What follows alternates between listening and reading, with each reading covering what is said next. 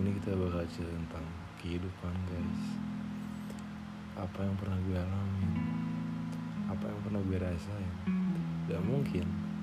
Cerita gue dan cerita apa yang pernah gue rasain dan cerita apa yang pernah gue alamin itu bakal relevan sama apa yang pernah alamin juga.